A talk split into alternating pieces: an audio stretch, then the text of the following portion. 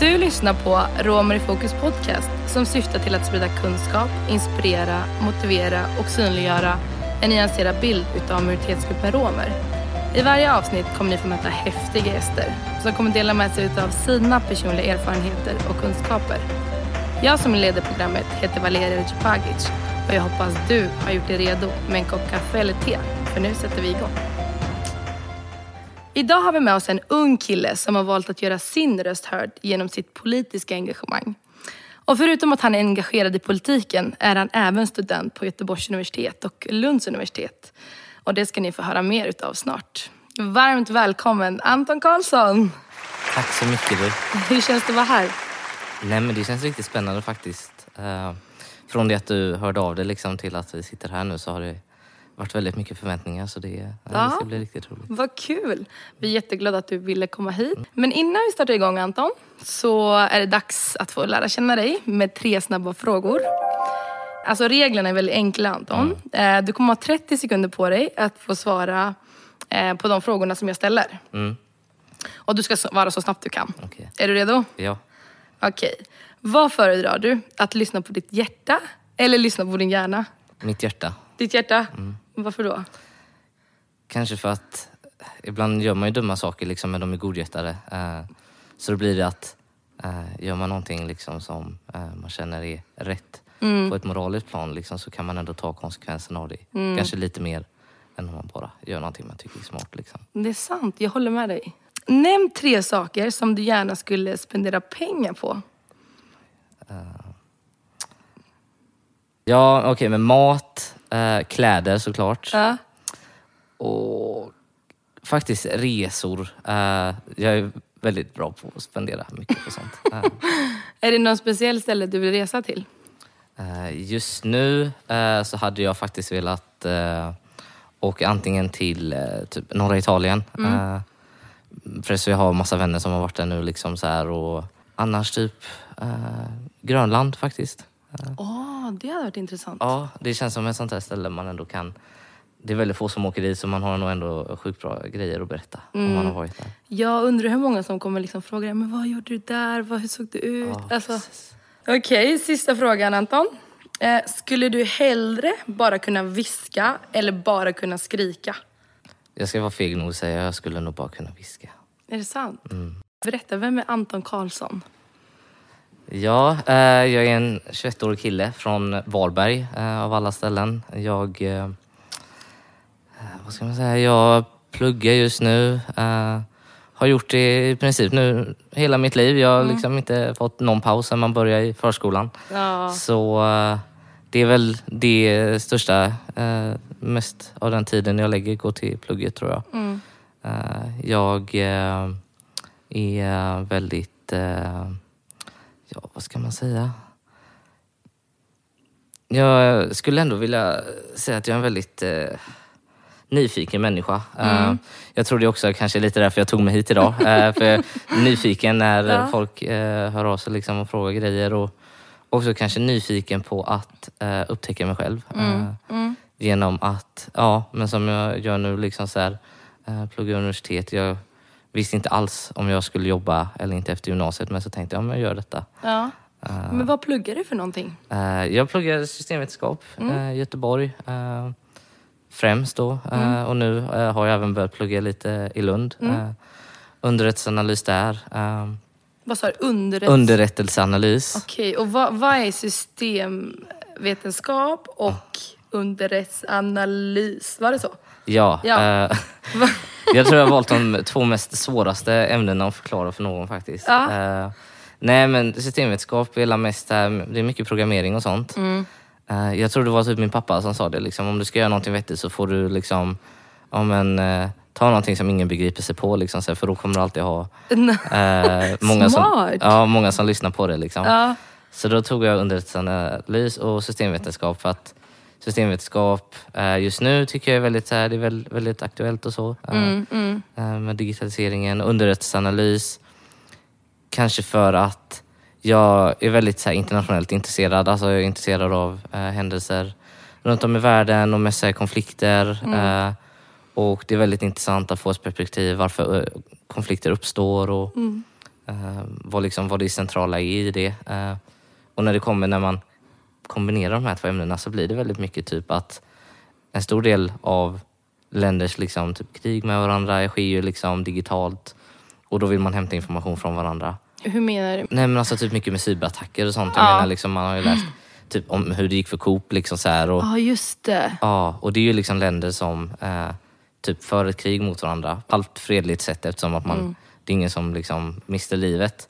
Tror du att vi kommer se sådana typer av eh, digitala krig i framtiden? Ja, Det som hände i Coop, för att de stängde ju ner, inga kassor funkade, visst var det så? Ja, Man kunde precis. inte komma in. Och det är mycket att det känns som att det är ett enkelt sätt för vissa länder att eh, bli väldigt framgångsrika på eftersom att du kan utsätta liksom din liksom främsta fiende för Mm. väldigt mycket skada utan att du behöver ta så mycket skada själv på det. Mm. Men eh, du Anton, du är också politiskt engagerad, visst är det så? Precis. Mm. Eh, Hur, alltså, hur börjar hela ditt politiska engagemang och varför tycker du det är så viktigt att engagera dig? För du, för du har ju också kandiderat till riksdagsvalet nu, precis. för några dagar sedan, eller i Ja. söndags. Ja. Ja, nej men det började ju egentligen... Det liksom hör ju mycket ihop liksom med varför jag är här idag. Eh, varför jag pratar liksom om eh, min romska identitet som eh, mycket hänger ihop med varför jag blev polisaktiv. Och jag blev ju kanske aldrig polisaktiv egentligen utan jag blev liksom nästan intvingad i liksom ett sånt här ungdomsförbund då som eh, många andra ungdomar kanske känner igen sig i. Eh, fick liksom en läsk och det var fine med det. Eh, och så visade det sig då att det var Socialdemokraternas ungdomsförbund. Eh, och lite senare då, alltså så här, det här var, var inte för så länge sedan, i liksom mitten på tonåren där, där jag i samband med det kom ut det här att eh, polisen hade, i Skåne hade haft ett romregister då, där man kartlade väldigt många människor som hade romsk bakgrund. Och Det var inte för att de var kriminella eller för att de hade gjort någonting utan det var just för att de var romer. Eh, och då var det väldigt många i min egna släkt som förekom i det här registret och det var väldigt många som på olika sätt liksom gick ut och markerade. Eh, och i samband med det liksom så pratade jag med pappa om detta. Eh, för det här var även i samband med att eh, min farmor då, eh, som är rom, eh, är romen på pappas sida då. Eh, hon, när hon var ung och när hon fick pappa och hans syskon då, så var det så att i Sverige så såg man ju ner väldigt mycket på typ samer, eh, romer och andra minoriteter. Och då tyckte man att de snarare var en belastning på det här, på samhället och liksom på folkhemmet då som man pratar om. Så farmor blev tvångssteriliserad. Är det sant? Ja, eh, Vilket åratal pratar vi om nu? Är det typ 56, 40? eh, s- slutet på 50-talet Slutet på ungefär. 50-talet, ja. Eh, precis efter hon hade fått pappa eh, var detta då. Och det var ju helt enkelt för att samhället tyckte liksom inte att sådana människor som henne eller liksom min far skulle liksom ha möjlighet att få barn och liksom Mm. bli en del i samhället utan det var ju den här synen att ja, men romer är snarare en belastning, det är så kringvandrare. Ja, du berättade precis att din farmor blev tvångssteriliserad på slutet mot 50-talet. Mm. Och, och det är precis som du säger, alltså, till exempel vitboken, där framgår det ju hur romer och resande har blivit utsatta Mm. utav statens politik. Alltså hela assimileringspolitiken som var under den tiden. När du pratade med din farmor, liksom, vad kunde hon berätta? Vad var hennes tankar? Och, Ja, ehm, så farmor gick ju bort eh, för, vad blir det nu, nästan tre år sedan. ja, Eh, jag beklagar sorgen. Ja, eh, men innan dess så umgicks ju vi nästan hela tiden. Hon fick alltid barnpassa mig och sådär när jag var mindre. Mm. Eh, och jag tror att det mest gripande det var hur hon skildrade liksom uppväxten. Eh, att jag kommer från Varberg då som är en väldigt, liksom, har väldigt länge varit en så här, överklassstad. Det liksom har varit ett, en tillflykt kanske för rika människor där man har eh, där man inte riktigt kanske haft plats för de som är mindre eh, eh, väl, vad ska man säga, mindre Väletablerade ja, eller vad välbeställda. Ja. liksom. Så väldigt tidigt då eh, blev de eh, nästan fördrivna ut ur stan så de Mm. eh, bosatte sig eh, ute på landet utanför Varberg eh, Mm. i ett litet skjul och hydda liksom. Och pappa har alltid så berättat, och farmor också, om liksom hur det var att när, när pappa växte upp så fanns det ingen, ingen spis och liksom inget rinnande vatten, inget avlopp. Är det sant? Och när man var liten tänkte man liksom, ah, nej, men det låter verkligen som stenåldern. Mm. Men när man har vuxit upp och liksom, ju mer man har pratat om har insett att det de pratar om det hände ju liksom på 60-talet nästan. Mm. Jag menar, då hade ju alla övriga delen av samhället hade ju alltid det. Liksom. Det var ju, Sverige var ett jätterikt land så att det de pratar om och det som nästan låter för mig som så medeltida, det ju, var ju situationen för väldigt många resande då i Sverige. Och det var också det att i kyrkorna då, förr då så var det ju prästerna typ som, som förde liksom eh, ett register över alla människor som bodde i de här små byarna. Eh, och framförallt då romer så att staten kunde hålla koll. Och då fick jag ju se de här eh, papperna då från min egna familj och då liksom kunde de ju skriva saker som socialt avvikande och eh, Ja, vad, ja, men precis. Vad brukar det stå i de här papperna som du fick se? Ja, men det kunde ju stå någon sån där kringvandrare, socialt avvikande, typ, men vad ska man säga, inte arbetsför och eh, ja, men ord, ord som beskrev dem lite som att men människor som bara satt hemma och liksom inte var produktiva. Eh, och det gjorde man ju såklart för att man ville hålla koll på de människorna och man genom tvångssteriliseringar, genom att ibland så tog, omhändertog man ju barnen och tvångsomhändertog dem. Och det var ju för att man ville ta bort eh, romer som en samhällsgrupp. Eh, så det var mycket sånt som stod liksom. Och när, när det gick upp för mig vad det innebar liksom, så var det väldigt läskigt. Minns du första gången du fick höra det här? Liksom, vad var din reaktion på det? Ja, nej, men alltså, jag var ju också så ung då så att det kändes nästan som att det var något, alltså det kändes så mycket värre kanske än vad jag upplever att det är idag eftersom att då kändes nästan som att man, man såg sig själv liksom som utstött. Och det var ju inte heller någonting du vet, man tänkte, ja men det här vågar inte jag säga till mina klasskamrater liksom. Är det sant? Nej, man tänker ju liksom så, ja men ska man berätta, ja men det här hände liksom min farmor, du vet så här, hur ska man våga liksom dela med sig av något sånt? Men Äh. var det just händelsen, det som dina, din farmor varit med om? Eller var det det liksom att de skulle betrakta dig som eh, rom eller resande? Liksom, vart låg rädslan? I historien eller liksom nutid? Liksom, vem, kommer de se mig? Kommer de behandla mig? Eller kommer jag bli utsatt så som de blev? Eller, liksom, vilka känslor var det och, och vad? Alltså, om man ser det till den kontexten, liksom, vad, vad som hände då. Liksom, både det här att det var väldigt många då som fick kompensation också av staten då för att man hade blivit omhändertagna. Och det kom ju upp i samband med det här romregistret tror jag. Eh, lite någon tidsskillnad däremellan. Men att när det kom upp det, så tänkte man liksom, typ, ja men vadå ska polisen ta mig typ för att för den här bakgrunden. Och då var jag ganska ung liksom, så det är klart man, man tänkte kanske sådana saker liksom som var väldigt så här, eh, kanske överdrivna idag men att det ändå säger väldigt mycket om vad det innebar att få veta det.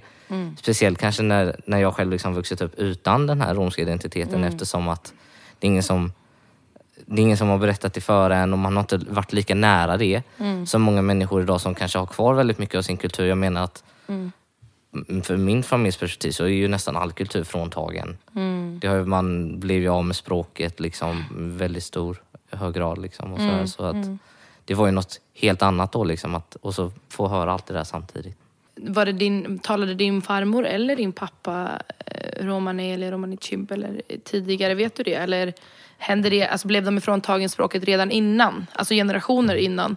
Eh, Jag vet att farmor pratade i alla fall. Eh, Pappa lärde sig det lite senare i livet då. Eh, för att pappa brukade, så här, han brukar fortfarande styra upp så här, släktträffar då. För att vi är en väldigt stor släkt. Eh, och det är väldigt många som har kvar arvet liksom. Och, eh, vissa liksom är ju väldigt aktiva i liksom, resande eh, communityt och sådär. Så pappa styrde ju upp väldigt många släktträffar nästan varje år. Och på så sätt så höll man ju liv både i liksom, mycket, man sjunger mycket liksom, så här, spelar gitarr och sånt. Eh, ja, det finns- musiken är ju viktig. Ja, det finns en låt som heter, jag tror, Van, Vandra i folket. Eh, som är jättefin, som handlar just om resande människor i Sverige. Är det sant? Den har jag aldrig hört. Ja, eh, Om den måste jag- ja. jag ska visa sen. Ja. Eh, och då eh, det finns en kille som heter Jim Carlsen, eh, Mm. en norsk eh, resande. Eh, och han brukar komma på de här släktträffarna och spela mycket musik och man, man liksom lärde sig tillsammans mycket av det här språket. Mm. Och jag använder ju ord som liksom jag har lärt mig idag väldigt Mm. mycket och pappa pratar ju det ganska flytande liksom med vissa.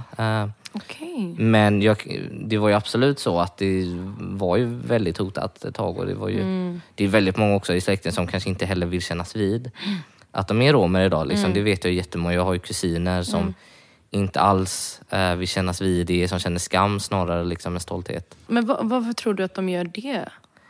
Kanske för att man, det har kommit, gått så lång tid liksom, så att man ser sig kanske inte som rom.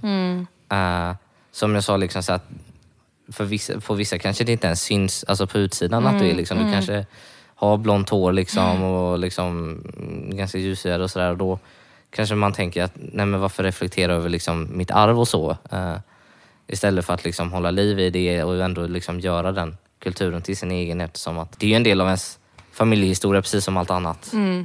Och sen har man ju också rätten, alltså det är ju det vi måste alltid komma ihåg, att du har ju rätten att kunna få vara den du är och att bli fråntagen det då från staten. I det här fallet, när du ofrivilligt blir fråntagen din kultur eller språk eller den du är. Att du får inte vara den du vill vara, eller den du är. Och att det sedan resulterar i det här som du pratar, skammen.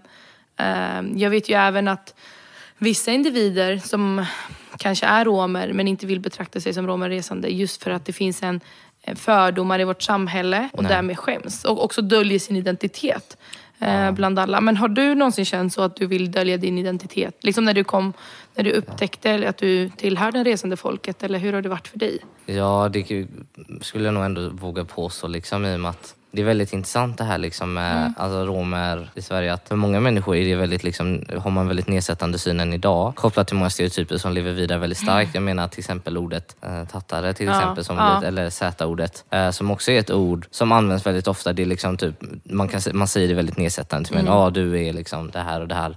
Inte för att den människan har någonting liksom, med den romska identi- identiteten att göra utan för att kanske snarare liksom måla ut en människa som liksom en sämre person. Uh, det användningen av det, uh, de begreppen så liksom, uh, i sån stor utsträckning som det är, gör ju att liksom, man har varit i väldigt många situationer typ, där man har haft kompisar liksom, eller när, som, som liksom sagt det och då blir det så att man, man vågar inte riktigt antingen säga själv, liksom, alltså vara öppen med vem man är eller liksom att heller liksom, vad ska man säga, ja, men påpeka det på något sätt för då känner man att då kommer, alltså så att det hatet eh, och den synen liksom känns så starkt eftersom att det finns en dålig förståelse liksom, kanske för hur romer har haft det. Eh, att man inte riktigt skulle liksom, respektera det liksom, och då är man ju väldigt så här, kanske ibland eh, rädd för att vara tydlig liksom, med vem man är. Absolut. Nej, men jag förstår vad du menar, att i vissa sammanhang känner man kanske att den på andra sidan inte har tillräcklig kunskap eller kanske inte har det här perspektivet. Och det kan ju bli att man blir rädd för att berätta. Även jag har ju varit i sådana situationer i vissa tillfällen där jag känner att är det nödvändigt att jag berättar nu? För alltså, i alla sammanhang är det kanske inte nödvändigt, men är det nödvändigt kan den här personen behandla mig på ett annorlunda sätt utifrån fördomarna som finns i vårt samhälle. Och det tycker liksom, just den här biten tycker jag är ju så, inte skrämmande, men l- ledsamt. Att, att man fortfarande kan känna så, som en ung rom i det svenska samhället. Nu tycker jag ändå, liksom, nu måste jag ändå säga också att jag tycker det är väldigt viktigt att vara uppe med det. Liksom, och för mig handlar en väldigt stor del i att prata om det, liksom, inte bara om mig själv, att jag ser liksom något egenvärde i att jag säger till människor jag är rom. Utan att det snarare gör att man sprider liksom en större medvetenhet om att det finns väldigt många romer och att man tar bort någon så stigma som verkar finnas. Liksom, att, ja, den här synen att jag tror att det är kanske det som gör mest nytta för mig. Att prata om det, liksom, att prata om att, ja, men det finns, om just, att man är rom och liksom, att man är stolt över det. Och liksom att, Man visar en nyanserad bild också Ja. av romer. Precis. Visste du att minoritetsstress är ett begrepp som används för att beskriva den stress som kan uppstå på grund av att man tillhör en minoritetsgrupp? Det innebär att man avviker från normen, exempelvis vithetsnormen eller kön. Detta kan också vara stress orsakad av fördomar, utsatthet, diskriminering och negativt bemötande. Och det kan uppstå i möten med sociala orättvisor och strukturer inom arbetsmarknaden, bostadsmarknaden, sjukvården och så vidare. Anton, som vi precis hörde, har vi det här begreppet som heter immunitetsstress och eh, då vi som tillhör till exempel romer. Så kan det bli någon slags stress när man eh, träffar en motpart och tänker hur, hur kommer hur ska jag förhålla mig till min romska identitet? Vet de vad romer är? Vet de inte? Till exempel okunskapen i vårt samhälle. Och hur känner du för det? Har du någonsin liksom behövt förhålla dig till din romska identitet? Och liksom, har du känt den här rädslan eller någonting annat kopplat till din romska identitet? Jag skulle väl säga att jag har nog ändå känt så några gånger, liksom, framförallt när man konfronteras liksom, av den här ignoransen. Eh, när, man, när man pratar, alltså, till exempel som jag nämnde, liksom, jag har varit i väldigt många situationer där man har använt ut, nedvärderande uttryck om eh, romer mot någon som inte är rom eller i en kontext där man inte pekar ut någon som är rom utan liksom i andra sammanhang där man använder de uttrycken. Och då, eh, känner jag liksom så här, man har ju känt ett väldigt starkt ansvar att markera mot det. Eh, och liksom att eh, man, man känner både kanske en rädsla att göra det inför liksom att man, man känner att man kanske blir konfronterad på något sätt, att man liksom kommer få eh, ta liksom ännu mer skit tillbaka. Men att man då har reflekterat över liksom känt att det är viktigt att ändå markera. För att som jag känner, liksom en, en stor del av varför jag liksom, eh, försöker liksom omfamna min romska identitet är utifrån stolthet. Och utifrån eh, en vilja att bryta fördomar eh, och liksom, eh, det här stigmat som finns. Och att då stå liksom tyst när man upplever den här orättvisan och det här, de här fördomarna, då motverkar det kanske lite det här om just den här stoltheten man känner. Eh, jag tror att då känner man nästan kanske att man, man blir lite en hycklare för sig själv. Liksom, att man, man känner liksom en stolthet men man vågar liksom inte försvara den. Ja. Och och vet du, det som du säger, det är så intressant för Länsstyrelsen i Stockholm har gjort en rapport om det här. Och det är jättemånga romer som, som har varit med i undersökningen som har faktiskt bekräftat exakt det du säger. Att man känner en sån stolthet. Men samtidigt döljer man liksom, sin identitet. Man känner stolthet för identiteten, att man är rom. Men samtidigt döljer man den väldigt, väldigt, väldigt extremt i många sammanhang. Det är viktigt, det. jag tror att de flesta som lyssnar nu eh, har ändå kanske väldigt starka värderingar. Man vet liksom var man står någonstans och liksom vad man, ja, men hur man förhåller sig till sådana här liksom orättvisor. Och viktigast är liksom att man försöker liksom att stå upp för det. Och lite som vi sa i början, liksom hjärna eller hjärta. Att om man gör någonting utifrån liksom sitt hjärta, om man, liksom, om man säger ifrån, kanske inte för att det är det klokaste för en själv i den situationen, men för att det är det liksom moraliskt rätta att göra. Då tror jag man kan må mycket bättre efteråt än om man inte säger någonting för att man kanske är rädd eller man känner någon form av rädsla. Eh, att det tror jag kanske är väldigt viktigt att tänka på. Att man, Nej men precis, jag håller med dig där. Men det som jag tänkte på Anton, eh, när du berättade att du var rom, eller liksom resande. Eh, fick du, be- bemötte du antiziganism då? Efter att du berättade att du är rom, eller förstår du vad jag menar? Ja, jo, det gjorde jag verkligen. Eh, det var väl, vad ska man säga? Som jag sa innan, liksom, jag upplevde väldigt mycket antizianism och kanske inte bara riktat mot mig utan liksom, att man i allmän bara pratat nedsättande. Jag kommer ihåg liksom att det var inte alls länge sedan, alltså det var väl typ 2015 där, då började ju människor från kanske, alltså romer från andra delar av Europa kom ju hit liksom för att man sökte liksom någon form av, vad ska man säga, kanske fristad från förtryck men också liksom ett sätt att eh, ja, men, få pengar, liksom, få en bättre ekonomi. Eh, alltså, ja, men började tigga liksom. Och då märkte jag väldigt, tidigt, väldigt snabbt när jag blev äldre liksom, att det var en väldigt hetsk ton. Och då pratar man väldigt nedsättande och då var, kände jag, var det väldigt viktigt för mig att markera liksom, och det gjorde jag. Flera, gång- flertal gånger, inte bara mot mig men alltså man, jag har varit med om situationer liksom, där människor har eh, i min egna stad då, liksom, så här, varit hotfulla liksom, mot människor som suttit och tiggt. Är det sant? Eh, och då har jag varit så klart det liksom, i, eh, vad ska man säga, tillsammans med andra vänner men då har jag liksom försökt markera också. Liksom. Eh, Du menar att folk har varit hotfulla mot eh, personer som har varit romer som har kommit hit för att tigga? Till ja, exempel? precis. Okej, Eh, vad kunde det vara? Eller så här, kommer du ihåg hur det var typ för typ? Ja, alltså det, en gång, alltså så här, det jag mest kommer ihåg, det jag hänvisar till var liksom en gång det uppstod något bråk med en, eh, en annan person som jag tror säkert var typ, eh, han var kanske hemlös liksom. Eh, och stod utanför och bråkade med en person. Han sa väldigt nedsättande saker, liksom, väldigt hemska grejer. Eh, och då gick jag emellan. Eh, och sen kom, jag liksom, kom det någon sån här Securitas-vakt. Eh, Okej. eh, och fick lösa det. Men, men jag tror att den värsta, vad ska man, säga, de värsta situationerna har ju varit liksom i det tonläget i liksom politiken.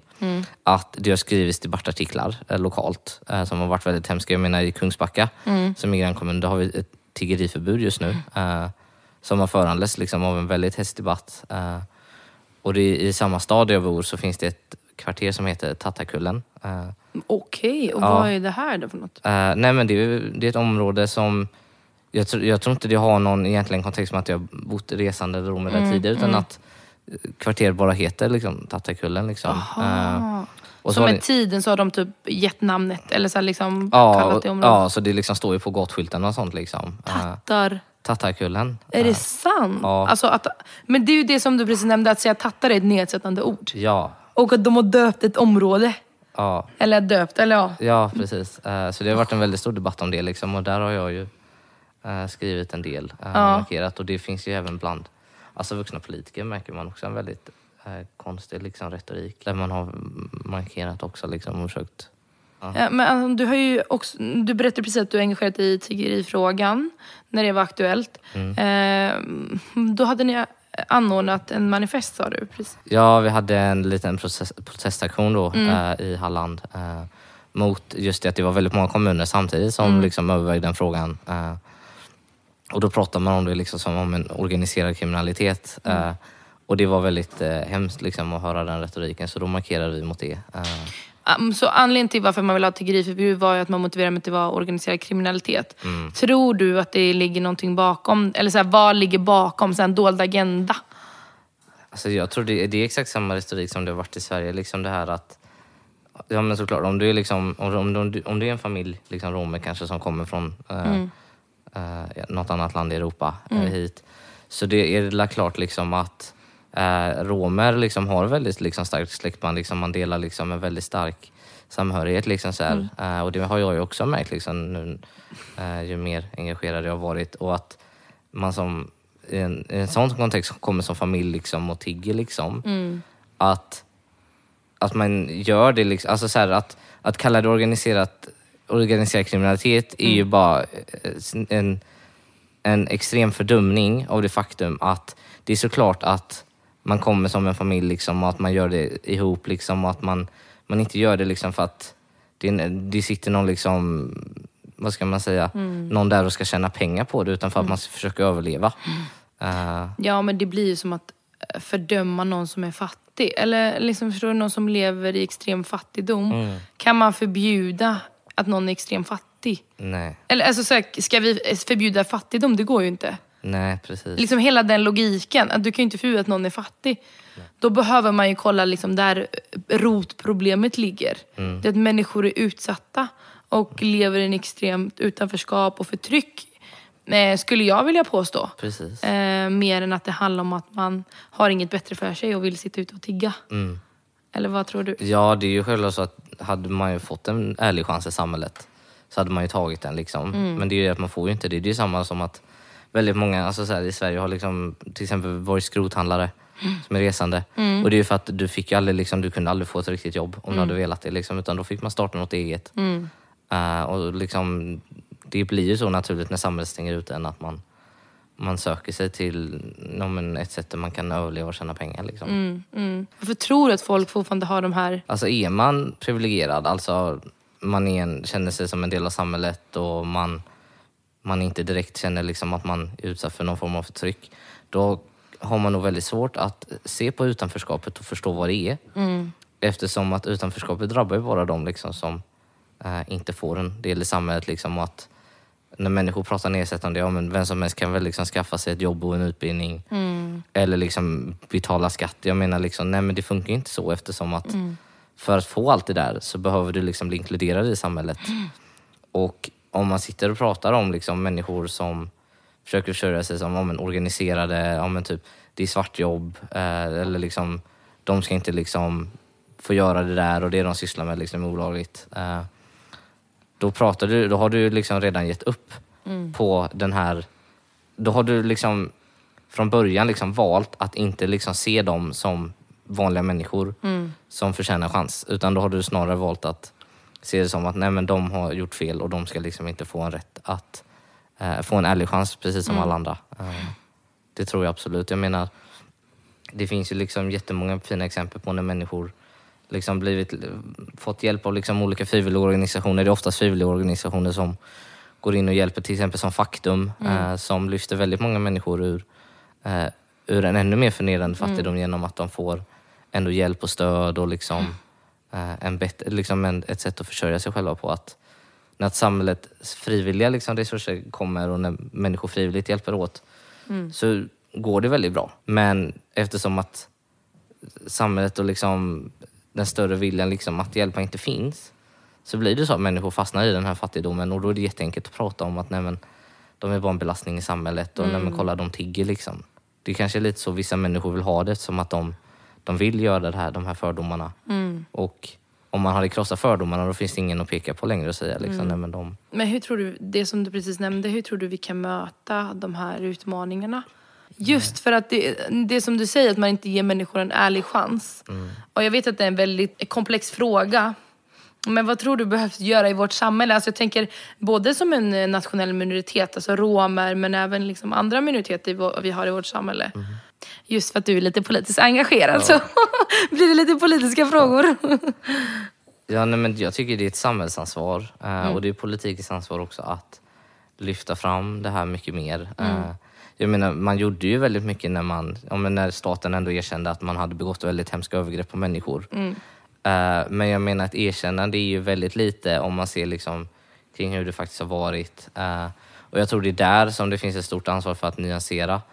Jag känner att jag har ett extra stort ansvar eftersom att uh, jag vet ju jättemånga människor som har fått vad jag tycker ändå uppleva mycket mer förtryck på grund av liksom sin romska identitet än vad kanske jag har haft turen att inte behöva. Mm. Och då känner jag att det är lite mer mitt ansvar kanske att se till att belysa den frågan och göra det ännu mer aktuellt så att mm. man pratar om det i samhället. Uh, och det gör man genom att människor blir mer upplysta. Uh, och så länge de inte är det kommer det liksom fortsätta frodas fördomar. Uh, och det kan ju alltid liksom utvecklas till något mycket värre. Jag menar att ja, men jag menar liksom att det är verkligen det som behövs. Mm. Jo, men jag håller definitivt med dig. Alltså, upplysning och kunskapen måste ju komma ut. Och det måste komma ut i alla samhällets delar tror jag. Ja. Alltså, bo, du vet, det räcker inte bara att jag och du sitter och pratar, det är ju fantastiskt. Men det måste också komma ut i skolorna, det måste liksom komma, och man måste också när man ser till exempel antiziganistiska attityder i till exempel nyhetsrapporteringen. Ja. Man måste våga reagera. Um, och, så definitivt tror jag, jag tror definitivt på det du säger. Mm. Kunskapen och upplysningen måste komma ut i vårt samhälle. Ja. Eh, och det är precis som du säger, ett erkännande är fantastiskt men det är långt ifrån att man har healat hela processen. För vi måste ändå förstå att det här förtrycket har ju pågått i nästan över 500 år mot romer och resande, ända sedan man kom till Sverige. Och det går inte att tro att man kan lösa det på fem år eller tio år. Det är så många strukturer vi måste motarbeta och, och, um, och ändra för att kunna ge dem en likvärdig chans i det här samhället. Precis. Och det är väl mycket, typ, om man till exempel tar kanske den judiska minoriteten i mm. Sverige. Mm. Äh, tycker jag också liksom har fått genomlida väldigt mycket. Liksom så här, och jag tycker inte heller att under en väldigt lång tid att man har gjort väldigt lite för att lyfta fram dem och liksom motarbeta typ antisemitismen. Men nu för inte så länge sedan så blev det mycket, liksom, en mycket större debatt kring det. Liksom. Mm. man hade ju den här konferensen i Malmö bland annat där mm. statsministern mm. var med. Äh, där man belyste just hur, hur, stort, äh, hur, stor, hur utspridd liksom, antisemitismen är. Jag menar att något sånt hade man också kunnat göra liksom, när det kommer till antizianismen. Mm. mm. Att prata om det på ett sånt sätt att, liksom, att ja, starka röster i samhället går ut och markerar. Äh, för jag menar att vi delar ju också samma liksom, hemska historia liksom, av mm, förtryck och mm. förföljelser. Och, uh, då kanske man borde liksom göra något liknande. Mm. Men du Anton, jag tänkte fråga dig. När du säger det här och vi har många unga lyssnare som lyssnar. Så här, har du något konkret vad man kan göra? Liksom, vad har du några tips eller idéer? Liksom, om det är någon som lyssnar och bara ja, jag vill göra min röst hörd, men hur? Hur ska jag göra det? Alltså det finns ju, jag tror det finns många olika uh, sätt att göra det på. Mm. Uh, mitt sätt är, jag skulle, skulle jag vilja säga, ganska politiskt kanske. Mm. Men det behöver inte heller vara politiskt eftersom att jag tror att det är mycket viktigare att man bara liksom på något sätt får sin röst hörd mm. än att man liksom hit, försöker hitta rätt forum. Mm. Uh, jag menar, liksom, det finns ju jättemånga, till exempel Dicko som är eh, en organisation som arbetar mycket med att lyfta romska röster och där mm. man, kan, man kan skriva debattartiklar och sånt. Och mm. Det kan man göra även liksom i vilken tidning som helst. Eller att bara liksom allmänt så här sprida spread awareness eh, mm. på sociala medier. Jag menar, det finns ju, har man många följare till exempel på sociala medier så tycker man liksom borde använda det till att ändå på något sätt liksom upplysa folk. Mm. Eh, och ja, men allmänt bara att man gör sin röst hörd och det behöver inte vara så svårt. Mm. Sen såklart, ju mer man gör liksom, och att om man tar det steget liksom längre och typ engage, alltså engagera sig i någon organisation mm. uh, så blir ju det också en ännu, ännu starkare röst. Ja, och det är precis som du säger, det behöver inte alltid vara politiskt. Man kan ju även engagera sig i mm. ja, men, FN-förbundet eller Amnesty. Det finns ju så mycket som mm. man kan engagera sig i som inte bara ha med liksom frågan romer utan mänskliga rättigheter överlag. Och där under den gruppen så faller ju romer självklart in. Alla människor faller inom den gruppen när vi pratar om mänskliga rättigheter. Um, så det är ju... Men jag vet ju själv när jag var yngre så ville jag verkligen vara med och påverka. Jag kände, jag kände sån frustration över det jag såg ute i samhället. Liksom orättvisor och jag tyckte saker inte alltid stämde till och du vet. Och jag var mm. så frustrerad och satt hemma men jag visste inte hur jag skulle göra. Nej. Så att jag tycker det är fantastiskt att du har ändå hittat din väg hur du kan göra, vara med och påverka. Men Anton, du har ju även under valåret 2018 så var ju du, fick du uppleva någonting väldigt dramatiskt. Vad var det som hände?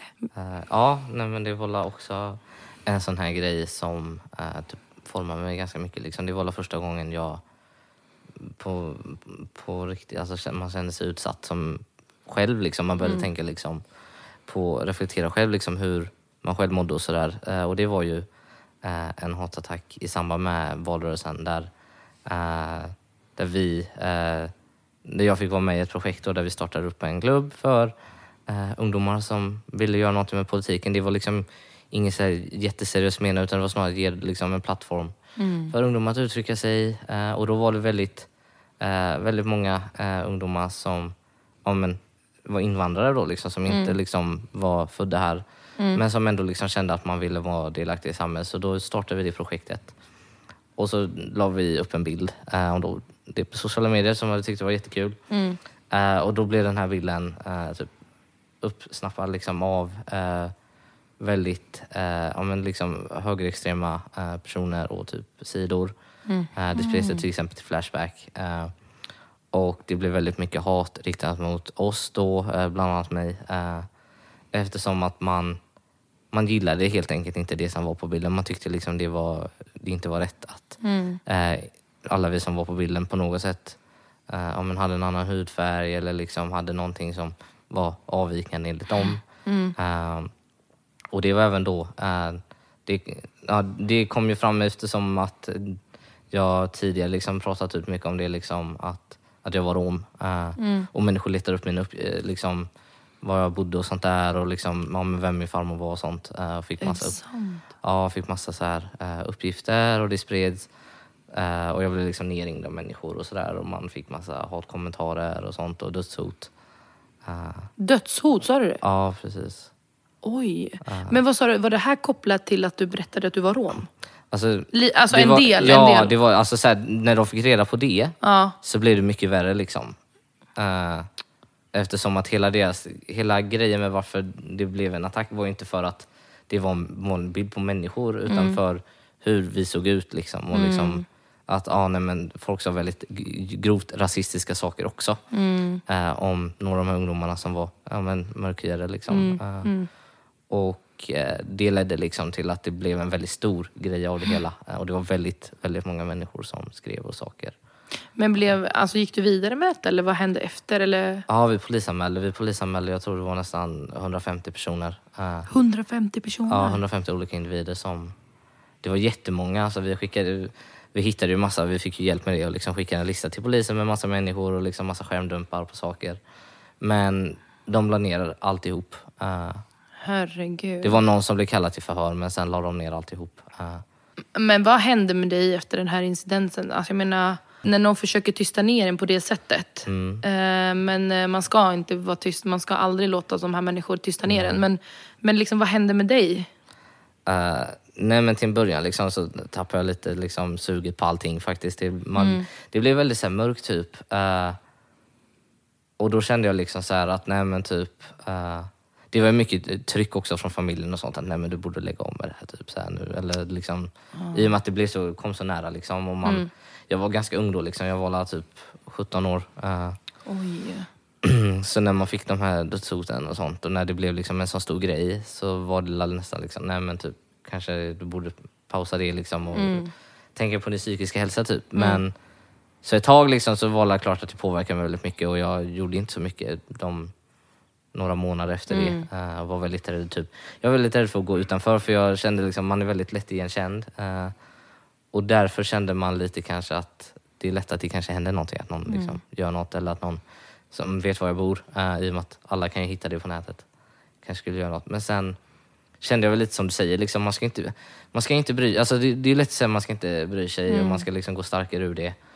Eh, och nu kan jag väl säga liksom att jag såklart gått starkare ur det i och med att jag ändå liksom sitter här och jag, jag delar med mig av det. Liksom, och jag känner ändå att jag är en väldigt glad person idag. Eh, Ja.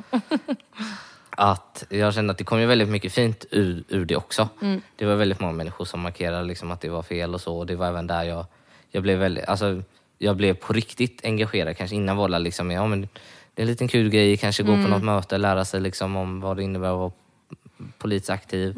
Men att där och då liksom att man blev ännu mer engagerad i att man liksom tog steget vidare.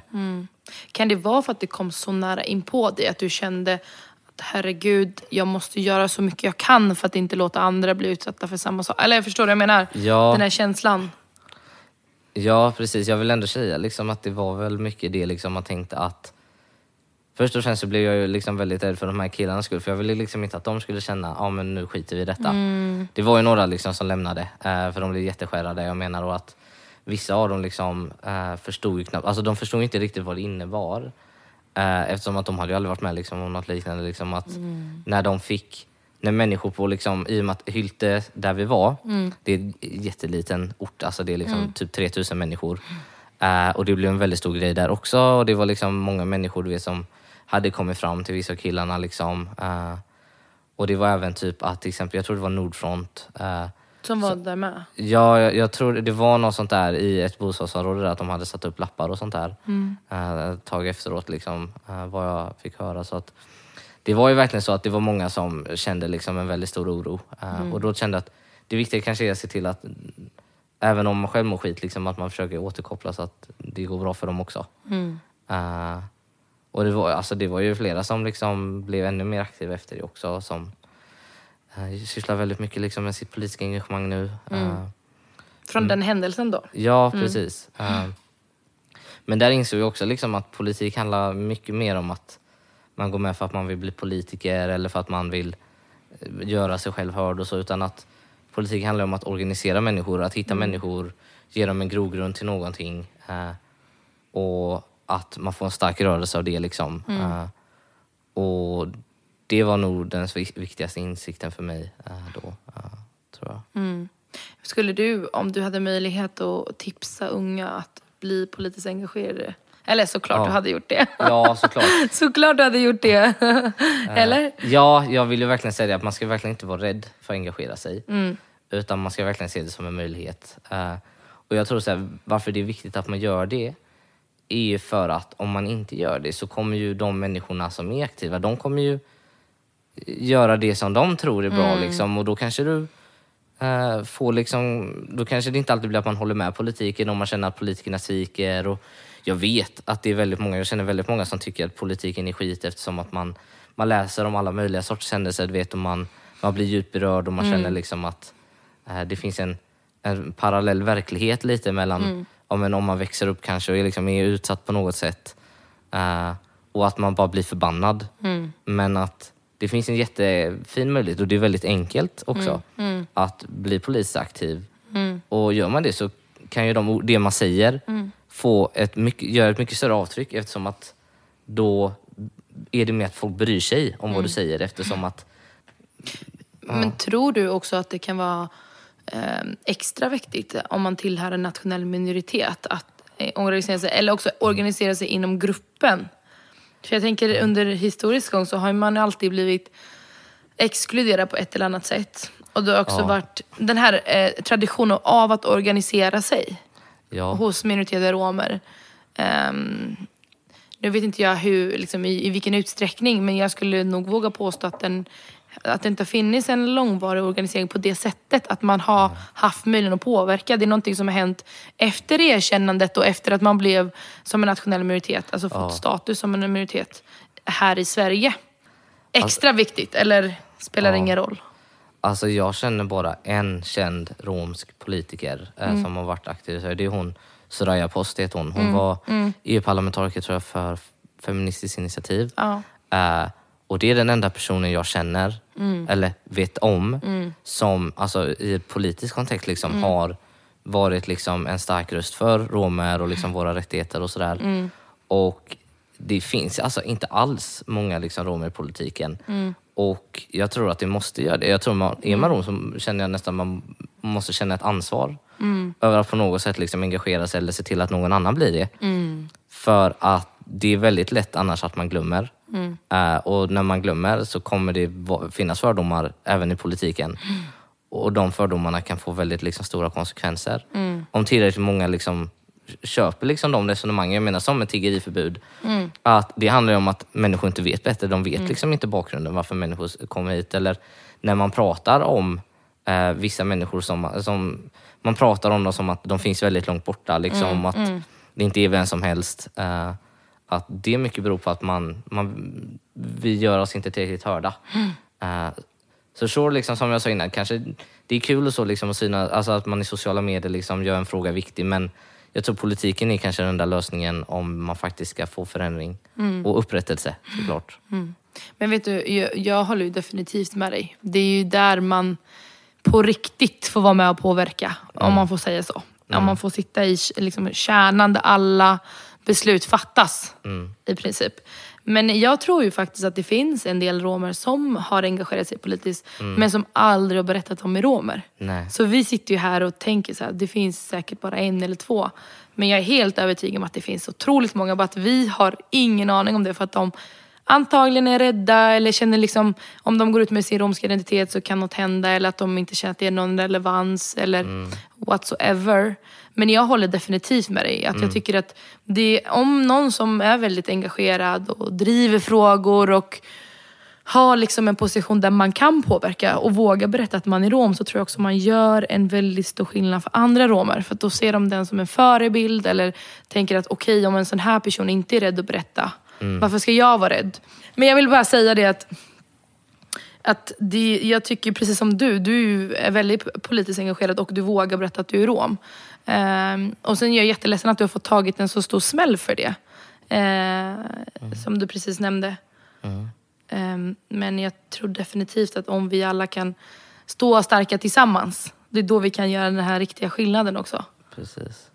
Jo, men jag håller med dig. Ja. Ja Anton, nu har vi ju kommit till den sista delen i det här avsnittet. Det är nu du har en chans att ställa en fråga till mig. Jag har ju ställt massa frågor till dig, så nu får du fråga mig vad du vill. Nej, men jag hade inte suttit här om inte du hade skrivit till mig. Eh, och vi har kontakten innan. Liksom. Du har ju på många olika sätt utanför politiken liksom, uppmärksammat romers situation. Eh, så jag tror, vad, vad känner du? Liksom, så här, hur, hur tycker du läget är idag för liksom, unga romer? Eh, är det liksom ett stort problem det här liksom, att, eh, ja, men lite som kanske jag sa, att det är många som kanske inte gör sig hörda och liksom, att det, det finns en, nästan ett stigma typ. Liksom, och hur, hur tror du vi i så fall löser det problemet? Oj, vilken bra fråga. Jättebra fråga. Eh, nej, men jag tror ju så här att som ung rom idag i Sverige så... um, alltså det finns två aspekter som jag... Alltså de, de går också lite, det är så här lite motpoler. För å ena sidan så tror jag också att du har väldigt många möjligheter och chanser här i, i svenska samhället. Eh, om man jämför med till exempel i ett europeisk kontext. Så tror jag också som en ung rom i Sverige idag så har du otroligt många möjligheter. Eh, och, sam, och samma stund så finns det ju också jättemycket utmaningar. Alltså, framförallt det här att rädslan för antiziganism och att man döljer sin identitet. Jag tror att det där är en jättestor eh, problematik. Liksom att man inte har möjligheten att vara sig själv för att man är rädd för hur motparten kommer att agera. Och det är ju som du sa innan, som vi också pratat om, att en konsekvens av okunskap. Alltså fördomar som florerar i vårt samhälle. Ehm, och då är det klart att det blir en rädsla för att gå ut att man är rom. Så det är de här två delarna. Men jag tror ju också, alltså klimatet i vårt samhälle har ju såklart, går ju åt en riktning. Och då tror jag att det kan påverka romer men också även andra minoriteter. Ehm, för den delen. Och för att inte vara sådär jättelångrandig av mig så tror jag ju, alltså jag tror att det finns både mm, alltså väldigt starka positiva rörelser i vårt samhälle idag för unga romer. Alltså också romer som är väldigt duktiga och drivande som du till exempel som sitter här. Eh, och att man kan enas tillsammans och gå mot, liksom, för, att, för att möta de här utmaningarna som vi står inför så tror jag att man måste samla sig och hitta en punkt där vi kan stå enade för att, för att kunna göra den här riktiga skillnaden. Men eh, definitivt mycket bättre än vad det var för, fem, för 50 år sedan. Men jag tror också att man har jättemycket att jobba kvar med. Vi har ju väldigt mycket strukturer i vårt samhälle som måste bli motarbetade. För annars så kommer ju det här som jag och du sitter och pratar om nu. Liksom att fortsätta år efter år efter år. Liksom okunskapen och rädslan. Eh, Så det måste ju brytas. Men det tar också tid och man behöver personer som dig och kanske mig. Nej men förstår du? Ja. Så eh, har jag besvarat din fråga nu? Ja, det var jättebra. Eh, Men tack Anton för att du ville komma hit och dela med dig av dina tankar och åsikter. Det har varit jätte, jätteroligt att ha dig här. Tack detsamma. Och lycka till med allting nu. Tack för att ni har lyssnat på poddens avsnitt. I podcasten görs i samarbete med Studieförbundet Vuxenskolan Väst och föreningen Youth Inclusion och är även finansierad av MUCF. Ljudteknikern är Paolo Lira och jag som har lett programmet heter Valera Recepagic. Glöm inte att lyssna på nästa avsnitt för då kommer vi ha en ny härlig gäst med oss.